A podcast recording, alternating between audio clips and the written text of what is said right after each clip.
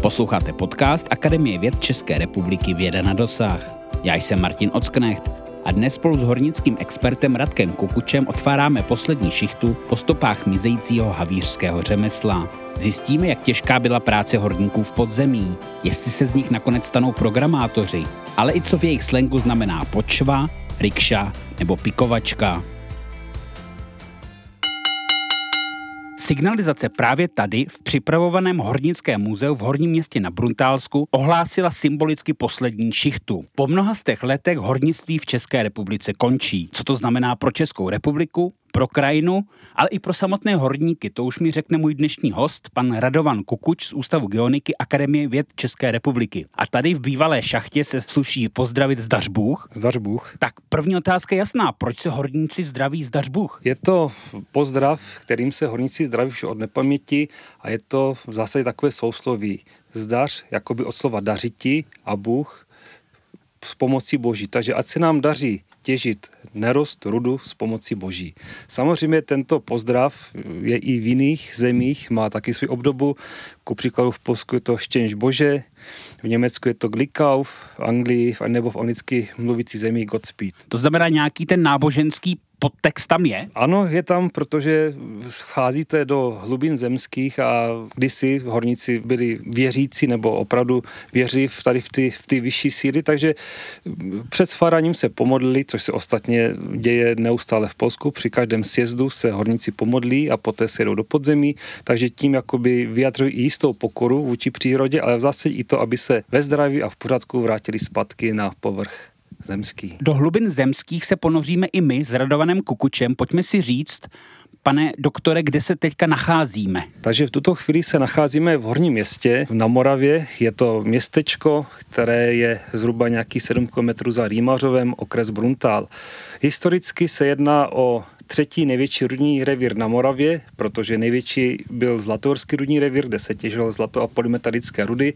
Poté následoval revír Hornobenešovský a hned po něm byl tady ten náš revír Hornoměstský, kde se historicky těžilo stříbro, posléze železná ruda a nakonec v 70., 60., 70. letech zinečnato olovnaté rudy. Kdybych to měl našim posluchačům přiblížit, tak tady se svažuje chodba dolů, jak se, pane doktore, nazývá? Ono je to přesně, je, se tomu říká úpadnice a je vedena nebo je udělaná ve dřevěné výstuži aby v zásadě byl dochován charakter místa, takže tady e, není použitá klasická ocelová oblouková výstuž, jinými slovy také zvané Heitzmany, a je to tady uděláno krásně ve dřevě a e, půl úvodní metry ještě tak, takovým takzvaným stylem na šrot, čili jedna stojka vedle druhé za sebou, aby opravdu byl, bylo to ústí stabilní a nepodléhalo tady těm tlakovým poměrům zvenčí. Když se spustíme na naši šichtu, pojďme si vysvětlit některé základní pojmy. Důl, šachta, štola, jáma, sloj. Tak zase ty první výrazy jsou takové všeobecné, protože důl to je, dá se říct, takový těžební podnik. Jáma, jáma je jednak je svíslé důlní dílo, nicméně ve starších časech byl to i označení dolu jako takového, ku příkladu sedmá jáma, jáma na desátém Ostravě. Tak sloj to je termín, který se hodně používá v uhelném hornictví, protože je to, je to takový plošný útvar, který je ohraničen nadložím a podložím a to, co je uprostřed, to je právě to uhlí, které se dobývá a to je ta sloj, protože sloje nejsou žíly, které v zásadě žíla to je nějaká si výplň v puklinách, v trhlinách, v masivu, ale sloj opravdu to se bavím o kilometrech čtverečních plošně, které, které, které se potom dobývají. Dále tu mám Steiger, tak Steiger to je samozřejmě jinak, jinými slovy, revírník, důlní dozorce, důlní naddůlní. Je to, je to technická funkce s úsekovou platností, čili jakoby ten, kdo od, odpovídá a jakýmsi způsobem se snaží vést tu výrobu, což jakoby znamená tu těžbu tak, aby byl plněn plán a byly výsledky, aby mm-hmm. ta těžba probíhala bez komplikací, takže je Ten, kdo to tam řídí v podstatě. Tak, ano, který to řídí v podzemí, jinak samozřejmě má ještě nad sebou další, další pozice. Jasně. Důlní pole, porub Rubanina Stařina. Takže začnu od konce. Stařina to je té důní dílo vesmě zavalené, čili které už horníci opustili a jakýmsi způsobem zase na něj znovu narazíte. Důní pole to je to opravdu historický výraz, který vycházel, vycházel z důlních měr. A posledním výrazem je porub a rubanina. Porub je opět zase termín, který je hodně užívan v hornictví.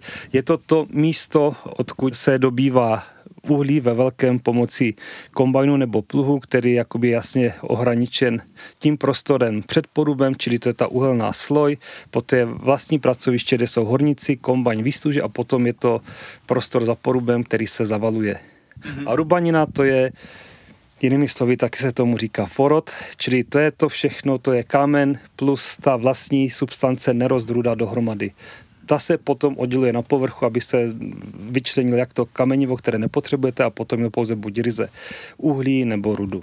Po vysvětlení základních termínů se s panem doktorem Radovanem Kukučem můžeme spustit dolů. Kam míříme, pane doktore? Míříme v tuto chvíli na takzvané Staré patro, což je historická část v zásadě stařina tady v horním městě, v podzemí je to ta nejsvrchnější část, která je právě nafarana tady touto nově vytvořenou úpadnicí. Takže po pár metrech, po nějakých 60 metrech se můžeme poprvé podívat do podzemí tak, jak ho vytvořili naši předkové. Tak vzůru dolů. Přesně tak, zdař Bůh. My se s panem Radovanem Kukučem poměrně obtížným terénem dostáváme dolů právě k té stařině, k opuštěnému důlnímu zařízení. Jak asi slyšíte, tak to dá zabrat.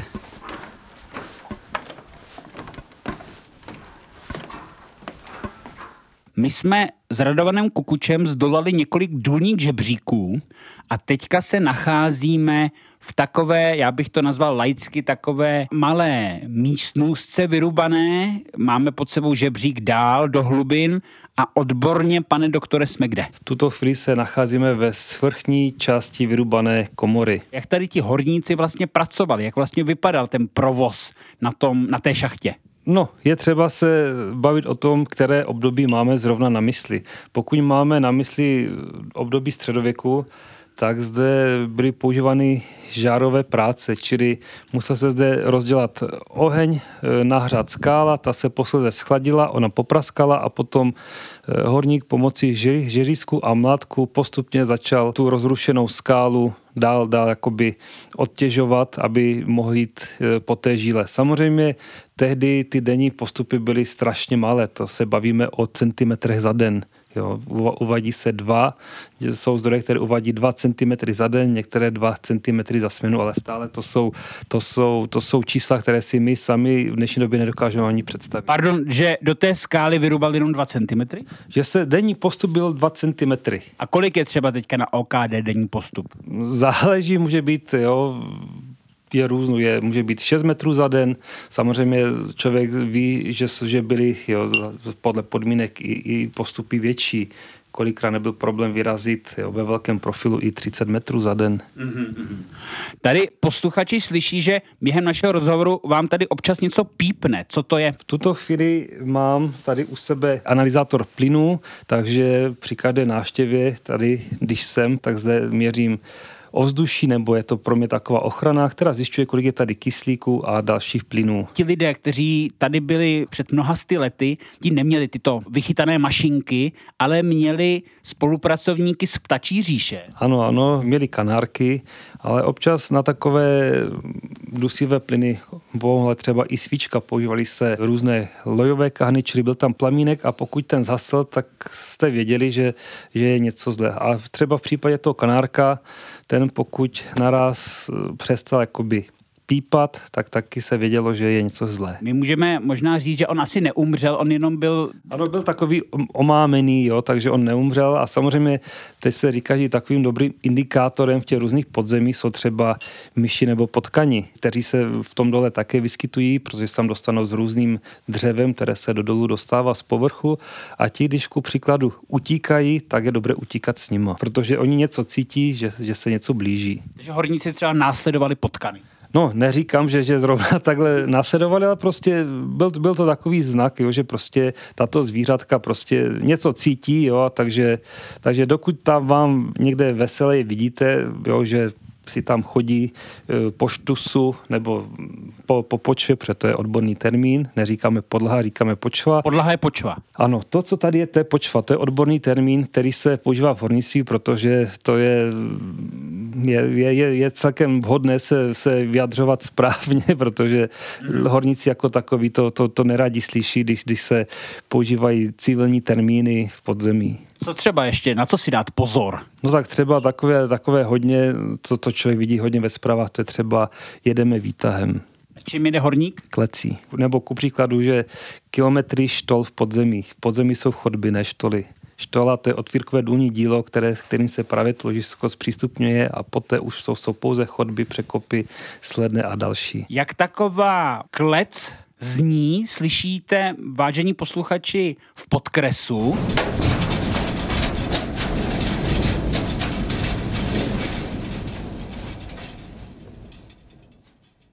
Horníci nám sfárali do dolu a teďka se vydali k práci.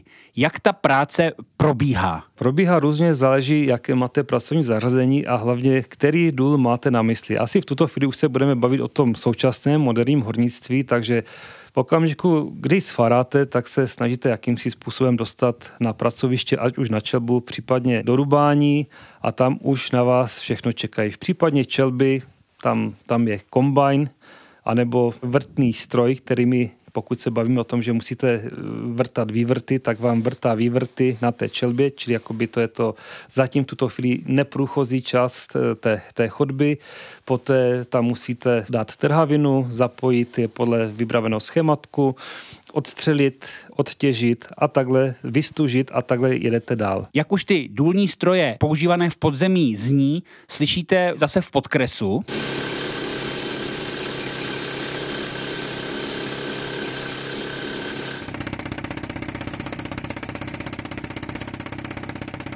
Ano, v tuto chvíli tam jednak slyšíme zvuk zbíječky, případně vrtacího kladiva. Samozřejmě tato zařízení mají v různých částech eh, revíru nebo dolů svá, svá pojmenování.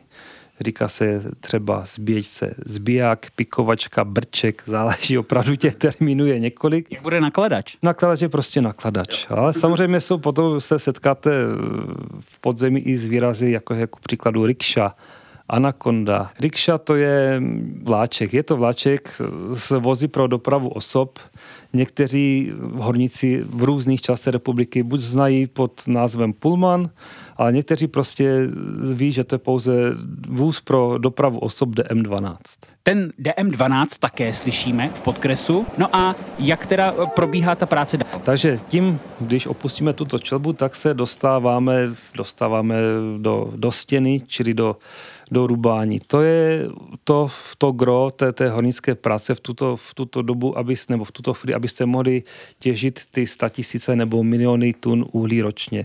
Je to prostor, na jehož eh, straně u, u pilíře tam máte kombajn, ten má dvě frézy, poté tam má, máte hřeblový pás, na kterého padá to uhlí a na straně druhé v tom prostoru, který, který je různě velký na základě toho, jak velkou máte mocnost sloje, je mechanizovaná výstuž laická naivní představa, že teď už na všechno jsou stroje, tak vlastně je to pro horníka lehárko, to neplatí. Ne, ono to neplatí, protože Byť samozřejmě ty stroje dokáží tu práci ulehčit, tak stále se jedná o velmi a velice těžké mechanismy.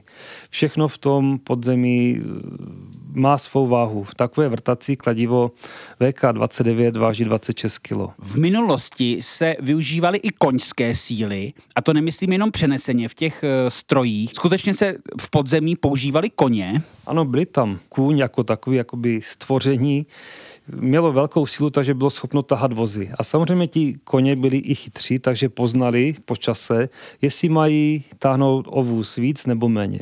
Pokud poznali, že tam ku příkladu nemá 10 vozů a má 11, tak ten kuň se zastavil a nešel. Fakt jo? No, to, tak to bylo. Samozřejmě byli to koně, kteří nikdy nespatřili světlo světa. Jakmile se dostali do podzemí, tak v zásadě tam už strávili celý život. Takže dost temný život. Může být temný, samozřejmě bylo mě dobře postaráno, ale v zásadě, když takhle nevidíte pořádně eh, jo, denní světlo, tak samozřejmě jakýmsi způsobem má to nějaký vliv, ať už na člověka nebo, nebo na zvíře. Samozřejmě tyhle časy jsem já už osobně nezažil, takže může se stát, že pamětníci by tady tohle moje povídání doplnili, zpřesnili. Četl jsem, že nějaký horník říkal, že oni jednak byli téměř slepí ty koně a jednak, že prý si navykli na pivo od horníků. Tak, tuto informaci nevím, ale obecně samozřejmě to, co bylo asi možné v těch starých časech, že, že jim horníci dávali pivo, tak může být, nevím opravdu, ale v tuto chvíli v podzemí se, se jakýkoliv alkohol používat nesmí, takže v tuto dobu, kdyby tady byly koně, tak by byly bez piva. No, my se můžeme v našem putování tady tím důlním dílem dát dál? Ano, můžeme jít dál, zase se dostaneme o pár metrů níže na takzvaný eh, Petrův obzor, což, což je spodní dno komory, kam přijdeme pomocí žebříků. Tak, zdař Bůh. Zdař Bůh. My jsme s Radovaným Kukučem, jak asi slyšíte, se dostali na nejspodnější část e, šachty, do míst, kde už se brodíme vodou, tak e, zase se zeptám obligátní otázka, pane doktore, kde jsme? V tuto chvíli se nacházíme už v takzvané e, štole svatého Antonína Paduánského, což je odvodňovací důlní dílo, které odvádí vody tady z této oblasti, z oblasti stařin a vody poté odtékají ven. Když už jsme u té vody, pojďme si říct, které živly mají na práci v dolech vliv. Vliv, samozřejmě vliv, asi se budeme bavit o tom negativním, co vás může takhle omezit nebo způsobit nějaké škody, takže jsou to ty plyny, je, je to metan zejména, potom i e, takhle uhelný prach, který může bouchnout, ale samozřejmě i ta voda je činitel, který takhle není e, dvakrát vítaný, protože známe z historie, že vás voda, že voda dokáže zatopit důl, voda jakýmsi způsobem, pokud používáte dřevěné výstuže, tak snižuje jejich pevnost a takhle se můžeme bavit o mnoha a mnoha faktorech jo, a těch živlech, které v tom podzemí jsou a působí tam. K odhalení těch živlů používají horníci za pomocí vědy i různá zařízení a přístroje? A samozřejmě v tuto chvíli dalo by se říci, že každý důl je, je prošpikován čidly a různými měřícími nástroji, takže kontinuálně jsou standardně je měřen obsah metanu v ovzduší, protože to je v tuto chvíli alfa a omega všeho. Prostě tady mít ty hodnoty metanu, který je v ovzduší, v těch mezích tak, aby tam mohli horníci pracovat a hlavně tak, aby posleze nemohlo dojít k nějaké iniciaci jiskrou a k výbuchu této metanové směsi. Jak jsme si řekli třeba od té cigarety. Ano, přesně od cigarety, ale takovou jiskru třeba může způsobit to, že že, že spadne e, kus horniny e, na druhou a zajiskří se, nebo kombajnová freza může najet, najet na Roxor a taky to zajiskří. A právě tady těmto věcem díky i mohutnému systému větrání se snažíte předcházet a ten vzduch takhle redukujete. Samozřejmě v případě vody tu vodu zase musíte čerpat a dělat tato opatření, protože no, v dlouhodobě se v tom takovém prostředí pracovat nedá. My jsme se tady pročvachtali s panem doktorem k čidlu, které měří, pane doktore, co? Je tady hloubkoměr, který v zásadě e, měří úroveň výšky vod tady v tomto důlním díle a není to jediný takhle hloubkoměr nebo hladinoměr. Tady v celém podzemí je více, protože e, vody jako takové jsou jedním z cílů programu regionální spolupráce, který zde v rámci Akademie věd vědám Akademie věd dělám a víme, že, že právě tady ta voda si dokáže žít svým vlastním životem. V okamžiku, kdy ten program startoval, tak eh, bylo to v období, kdy vody bylo všude nedostatek. Potom párkrát zapršelo a té, té vody byl zase naopak eh, hodně velký nadbytek, takže se objevovala i tam, kde nikdy nebyla.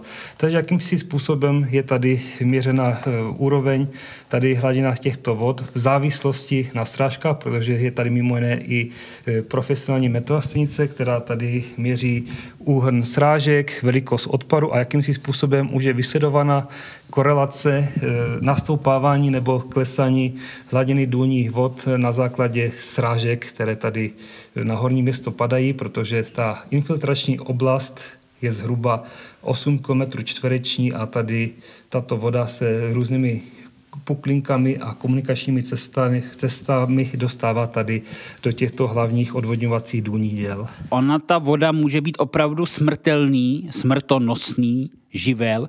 V roce 1970 v Šardicích na Hodonínsku utonulo 30 havířů, potom co se po prudkých záplavách zvedly hladiny spodních vod. Říkám to dobře? Tam bych řekl, že tam došlo přímo k natečení vody z polí, protože hmm. tam se vytvořila propadlina, takový kráter a tím proudila ta voda z polí, nebo respektive voda a bahno do, do podzemí a opravdu nebylo vůči tomu uniku.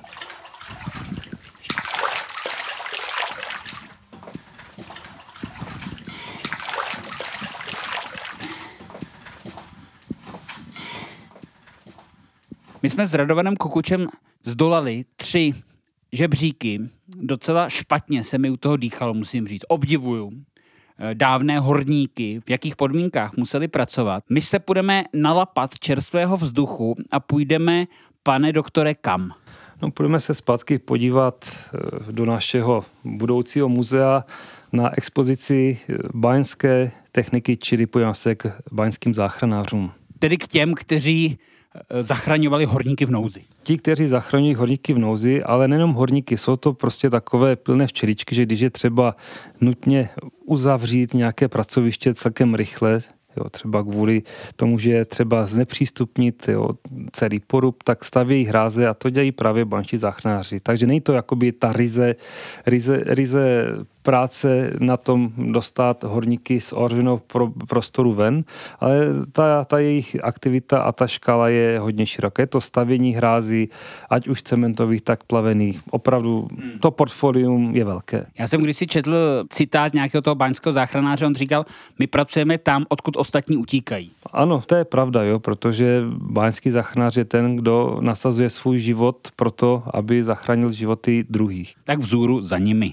My jsme mám s Radovanem Kukučem z Ústavu geoniky Akademie věd České republiky slíbili, že se vydáme za báňskými záchranáři, a to přímo tady v připravovaném Hornickém muzeu v Horním městě u Bruntálu.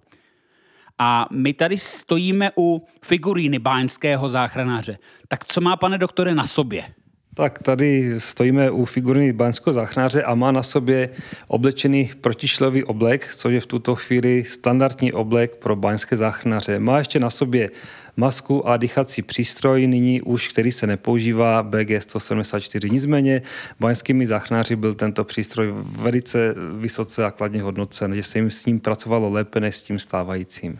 Já to popíšu našim posluchačům. Je to prostě něco, co vlastně měli potápěči podobného. Jak dlouho mohl s tím eh, přístrojem vydržet pracovat? Záleží, co se týče, záleží na náročnosti zásahu. Pokud opravdu by u nějakého požářiště tak jste vdechovali teplé plyny, takže moc dlouho se v tom vydržet nedal. Jinak samozřejmě záleží jo, podle obsahu té nádoby, takže dala by se říct dvě hodiny ku příkladu. Samozřejmě eh, toto číslo neznám přesně, ale jak jsem říkal, záleží na složitosti zásahu, protože při těch extrémních, kdy je záchranář vystavován mm, velkým vysokým teplotám, tak v tomto přístroji moc dlouho pracovat mm, nestihnete, protože je to až nepříjemné, potíte se, dýcháte hodně teplý vzduch.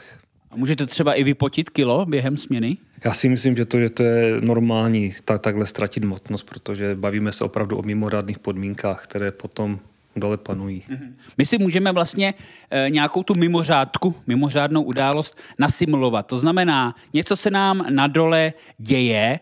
Jaký bude další postup, pane doktore? Tak samozřejmě i hned eh, se musí uvědomit dispečer, že se něco stalo, ale pokud bychom si vzali nějaké důní neštěstí velkého rozsahu, kdy je třeba odvolat všechny lidi z dolu, tak se využije takzvané merkaptanové signalizace, což znamená, je to takový plyn, který smrdí po vajíčkách, takže každý horník ho ucítí, což je signál, že všichni musí jít z dolu ven. Musí hned vyfárat. Takže když mi to v dole smrdí, tak to opravdu smrdí, zavání nějakým průšvihem a musím vyfárat. Ano, pokud už se takhle spouští ta merkaptonová signalizace, že je třeba odvolat všechny lidi z dolu, To se ku příkladu stalo i v případě toho posledního výbuchu na dole ČS, ČSM, tak byla uplatněna tato signalizace, aby všichni z dolu mohli vyfarat, protože aby se snížilo to riziko dalšího, dalšího třeba v tomto případě výbuchu a dalšího postižení osob. My jsme si už v dole představili. Analyzátor důlních plynů, který při zapnutí vydává různé zvuky. Takže uděláme si názornou ukázku. Zapínám přístroj. My teďka provedeme s panem doktorem takový vědecký pokus. Ano, vyzkoušíme, mám tady v ruce zapalovač, jak bude tento přístroj reagovat na ty splodiny, které vycházejí z plamene zapalovače. Takže oxid uhelnatý. Ano, budeme zko- udělat zkoušku na oxid uhelnatý. Pan doktor Radovan Kukuč zapaluje, přikládáme zapalovač k přístroji. Děje se něco, pane doktore? Zatím se nic neděje, protože stále je zde významné množství kyslíku.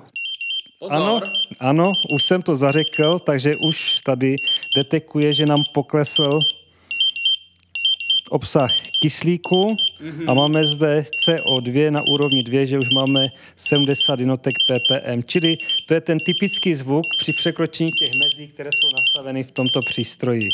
Co by to znamenalo v dole, tady ty hodnoty?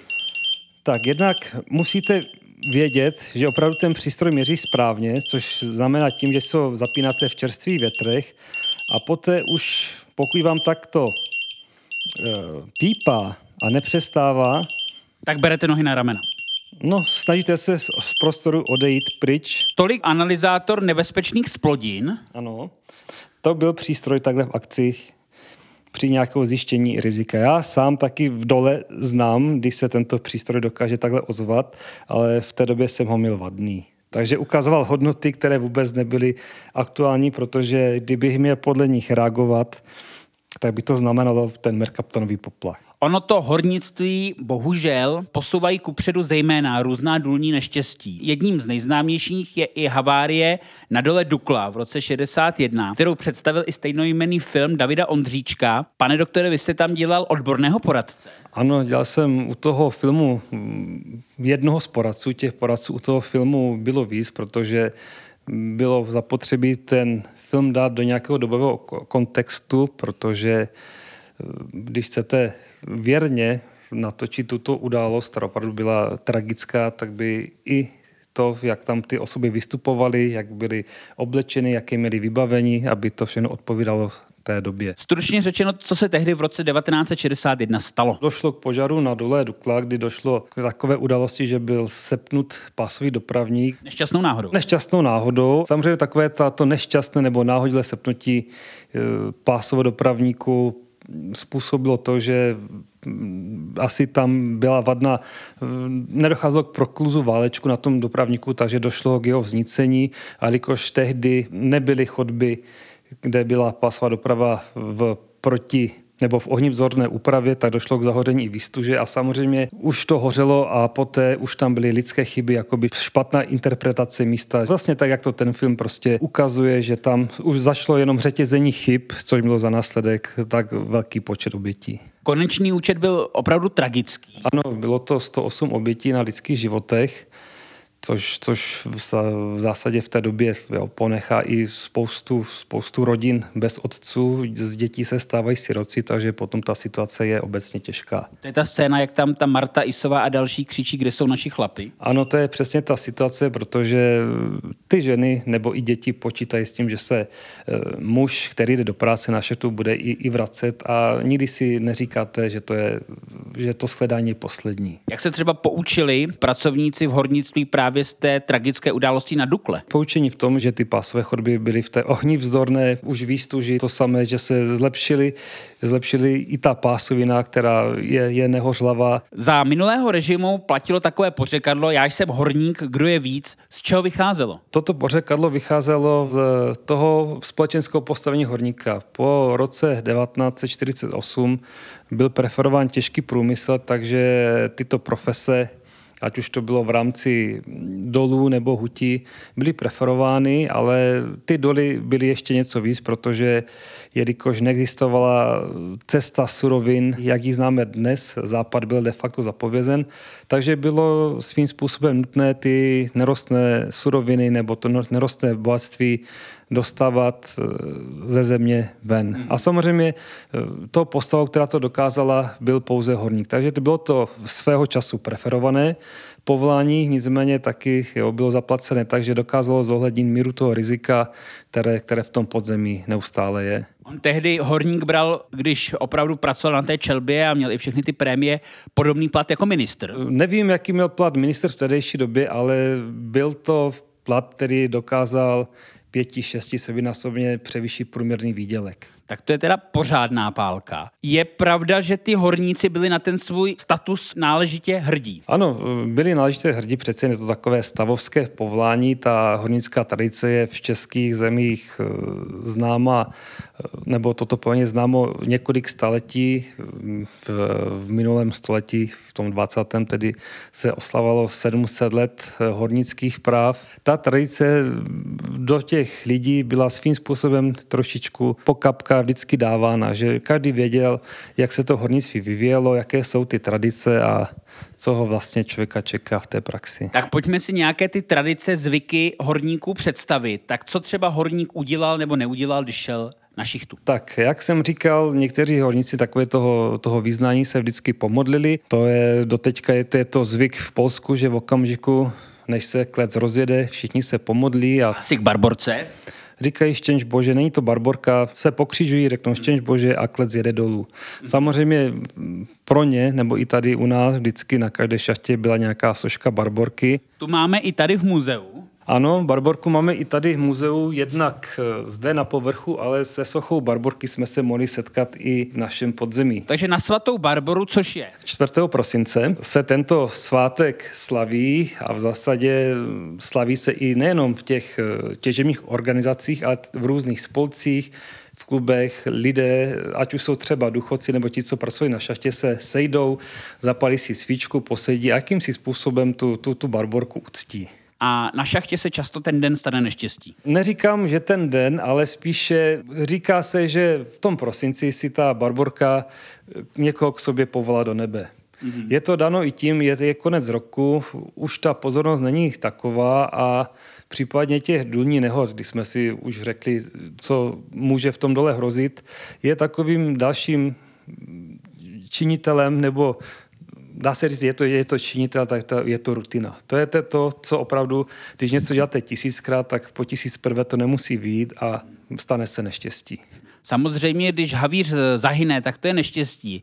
Když s pomocí svaté Barborky vyfárá, pane doktore, tak uh, ho čekají sprchy. A vy jste mi tam říkal, že tam je takový specifický termín. Vláček přátelství. Tak co je vláček přátelství? Nevím, jestli si tady naši posluchači vybaví, jak se my horníci pos, pos, po šichtě, ale jsou to hromadné sprchy, kdy se tam je 10 eh, nebo 15 chlapů dohromady a poté, když už jsou takhle vymydleni všichni, tak zbývají to poslední, čím jsou záda, takže se horníci posaví do řady a každý mě tomu druhému záda. A potom se akorát vymění první s posledním. Takže celá šichta se takhle umeje. Ti lidí, ne, že by takhle nastoupilo těch 15-20, ale prostě v potě skupinkách 5-6 lidí si je navzájem takhle umijou záda. Já jsem četl vzpomínky pamětníků z Ostravy 80. let a ti říkali, že bylo poznat, že jedou havíři, protože oni měli černé oči. Předpokládám, že oni si je nemalovali.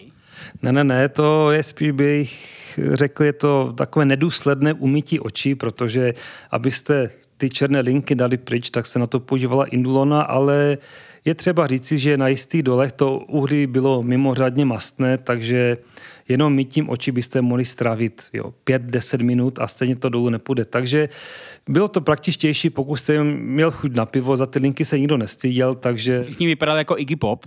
Ano, všichni takhle vypadali. Tehdy to nikdo neřešil, že by to byla nějaká šminka, takže bylo to celkem normální takhle výjít do ulic. My se bavíme o hornících, o hornictví. Už v úvodu jsme zmínili, že končí tak bude chybět českým zemím hornictví a horníci? Spíš v duchu toho, co se v tuto chvíli děje, je třeba si říct, jestli nám vůbec nebudou chybět nebo budou chybět nerostné suroviny jako takové.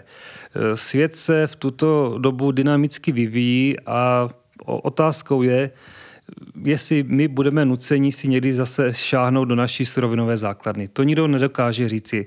Zatím svět funguje tak, že jsme si schopni všechno dovést, ale v okamžiku, kdy se ta situace obrátí, tak budeme odkázáni sami na sebe a v tuto chvíli to může být problém.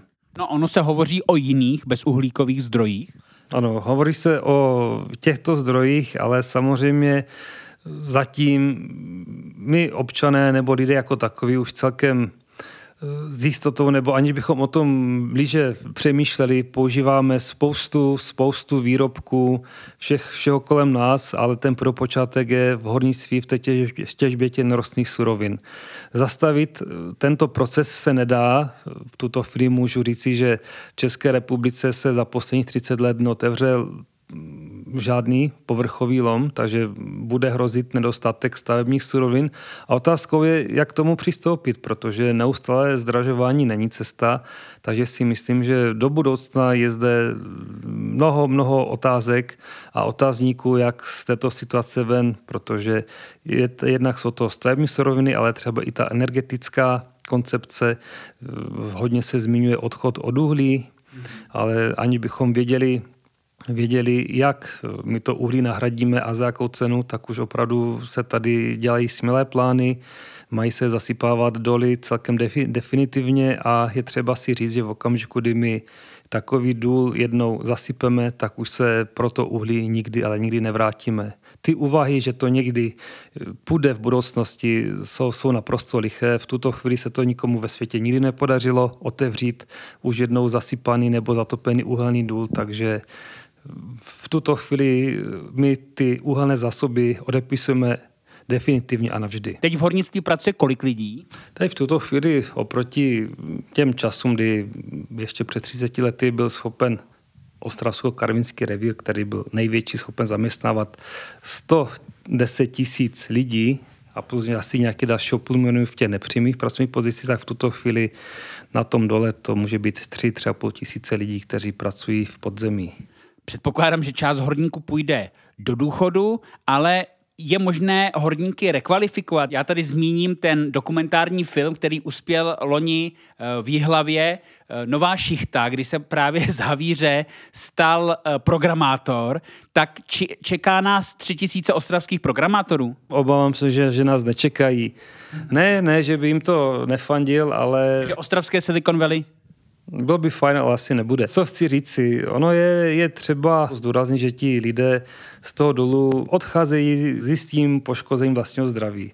Což při nástupech do jiných firm nebo organizací je toto co je začne z toho procesu vyřazovat. Budete na lékařskou prohlídku a tam se ukáže ta, ta aktuální pravda o tom vašem zdravotním stavu, tak je to takové to, co vás nepotěší, ale samozřejmě hledání práce jako takové, je, je třeba si říci, že, to, že ten hornický svět je, je něco jiného. Co když jednou opustíte, tak už to v žádné jiné profesi nepoznáte. Takže v okamžiku, kdy opustíte důl, a už se do něj nikdy nevrátíte, tak tohle prostředí už nepoznáte.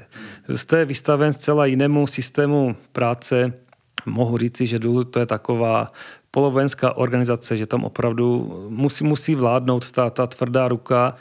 Jste na tady tohle zvyklí a potom přijdete do, do, do jiných zaměstnání, jiných takhle firem podniků, kde, kde ta, ta ruka nevládne, je taková volnost a v zásadě vám to začne chybět, ale hlavně vy víte, že v tom podzemí, ostatně to bylo i v tom zdůrazněno v tom filmu, že po, po, po té šichtě prostě pro, pro vás to končí. Jo, vy víte, že, že ten důl nemáte doma, nemáte to na zahradě, takže vy si to své odpracujete a máte volno, máte klid.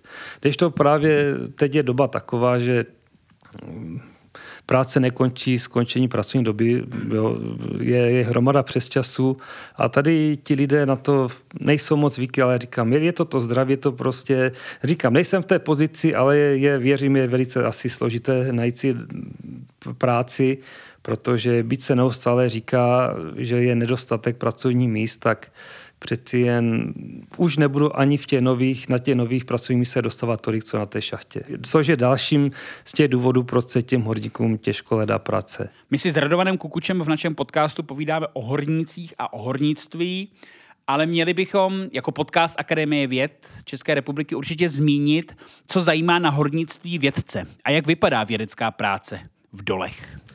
No, je třeba si říct, že ta práce rozhodně není v bílých pláštích, jak asi spousta lidí si myslí, že takhle vědec vypadá. Máte fáračky? Ano, máme faračky a v dobách, kdy opravdu jsme dělali velké výzkumy v podzemí, tak jsme mývali na šachtách i vlastní skříňky, vlastní přilby, vlastní čísla známek a tak jsme chodívali do podzemí. Taky jste si měli ty záda? Ano, vláček přátelství byl nezbytností, to jinak to nejde.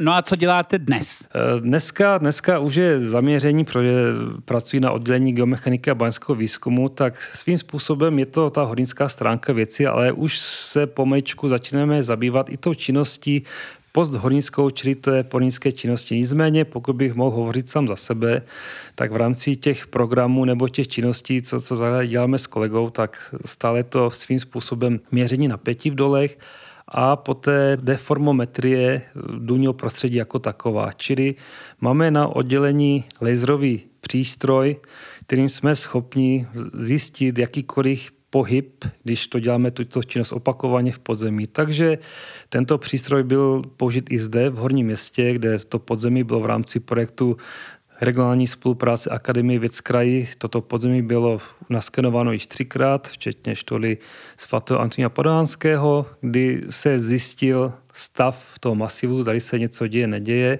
A zde Mimo jiné, jak už jsem se zmiňoval v podzemí, je to všechno napasováno na stránku toho zjištění těch vodních režimů a definitivního odvodnění tohoto prostředí tak, aby ta voda už zde nezlobila. Samozřejmě to je jedna stránka mince.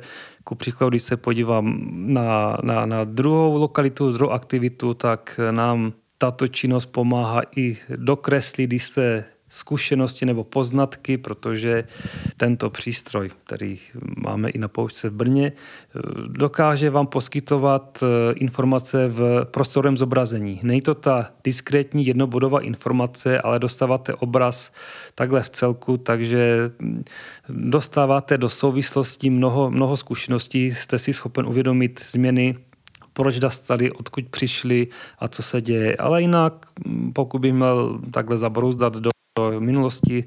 Stále se podílíme na PVP Bukov, což je podzemní výzkumné pracoviště, kde se zjišťuje vlastnosti horninového masivu pro budoucí uložiště jaderného odpadu kde si v České republice, do posud není známo místo.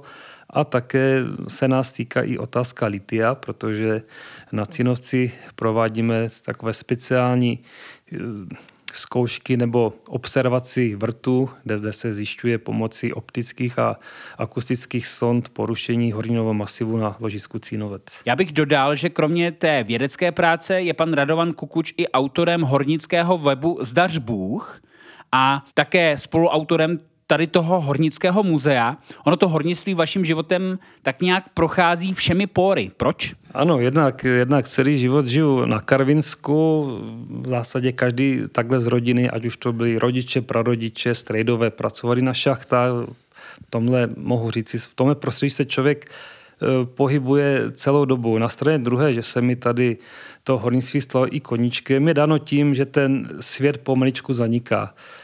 Když si vezmu, že se tady tímhle zabývám více než 20 let, tak vím, že, že lokality, které byly dostupné před 15-10 eh, lety, už dostupné nejsou. Je to, je to svět, který se pomečku vytrácí a vytrácí se na všech frontách. Někteří se za tady, za tady tohle stydí, že vůbec eh, tady hornictví je.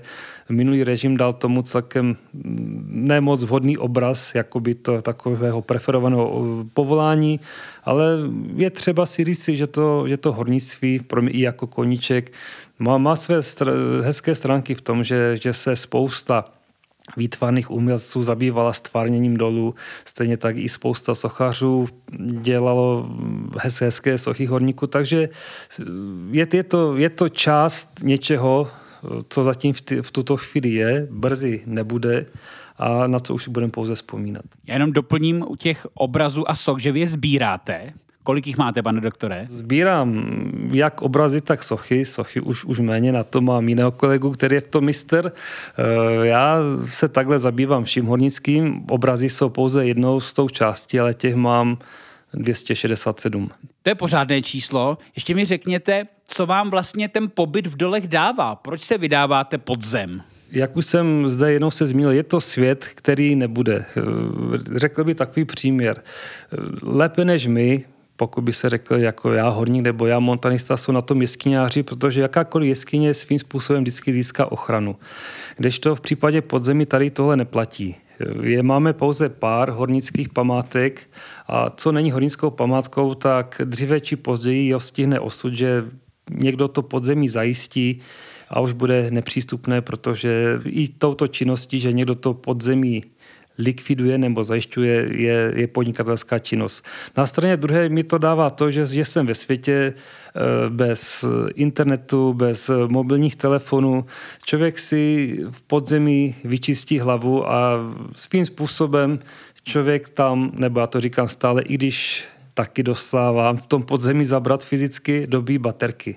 Říká Radovan Kukuč z Ústavu geoniky Akademie věd České republiky. Já mu děkuji za rozhovor, za poutavou toulku do hlubin naší země a přeju mu šťastné návraty na povrch. Takže děkuji, já vám také a všem posluchačům přeji jenom to dobré a rozhočíme se po Hornicku tak, jak by lidé z dolu vyfárali. Zdař Bůh.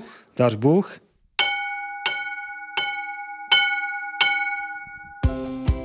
Další příběhy české vědy najdete v našem časopise A věda a výzkum, na sociálních sítích a webu Akademie věd.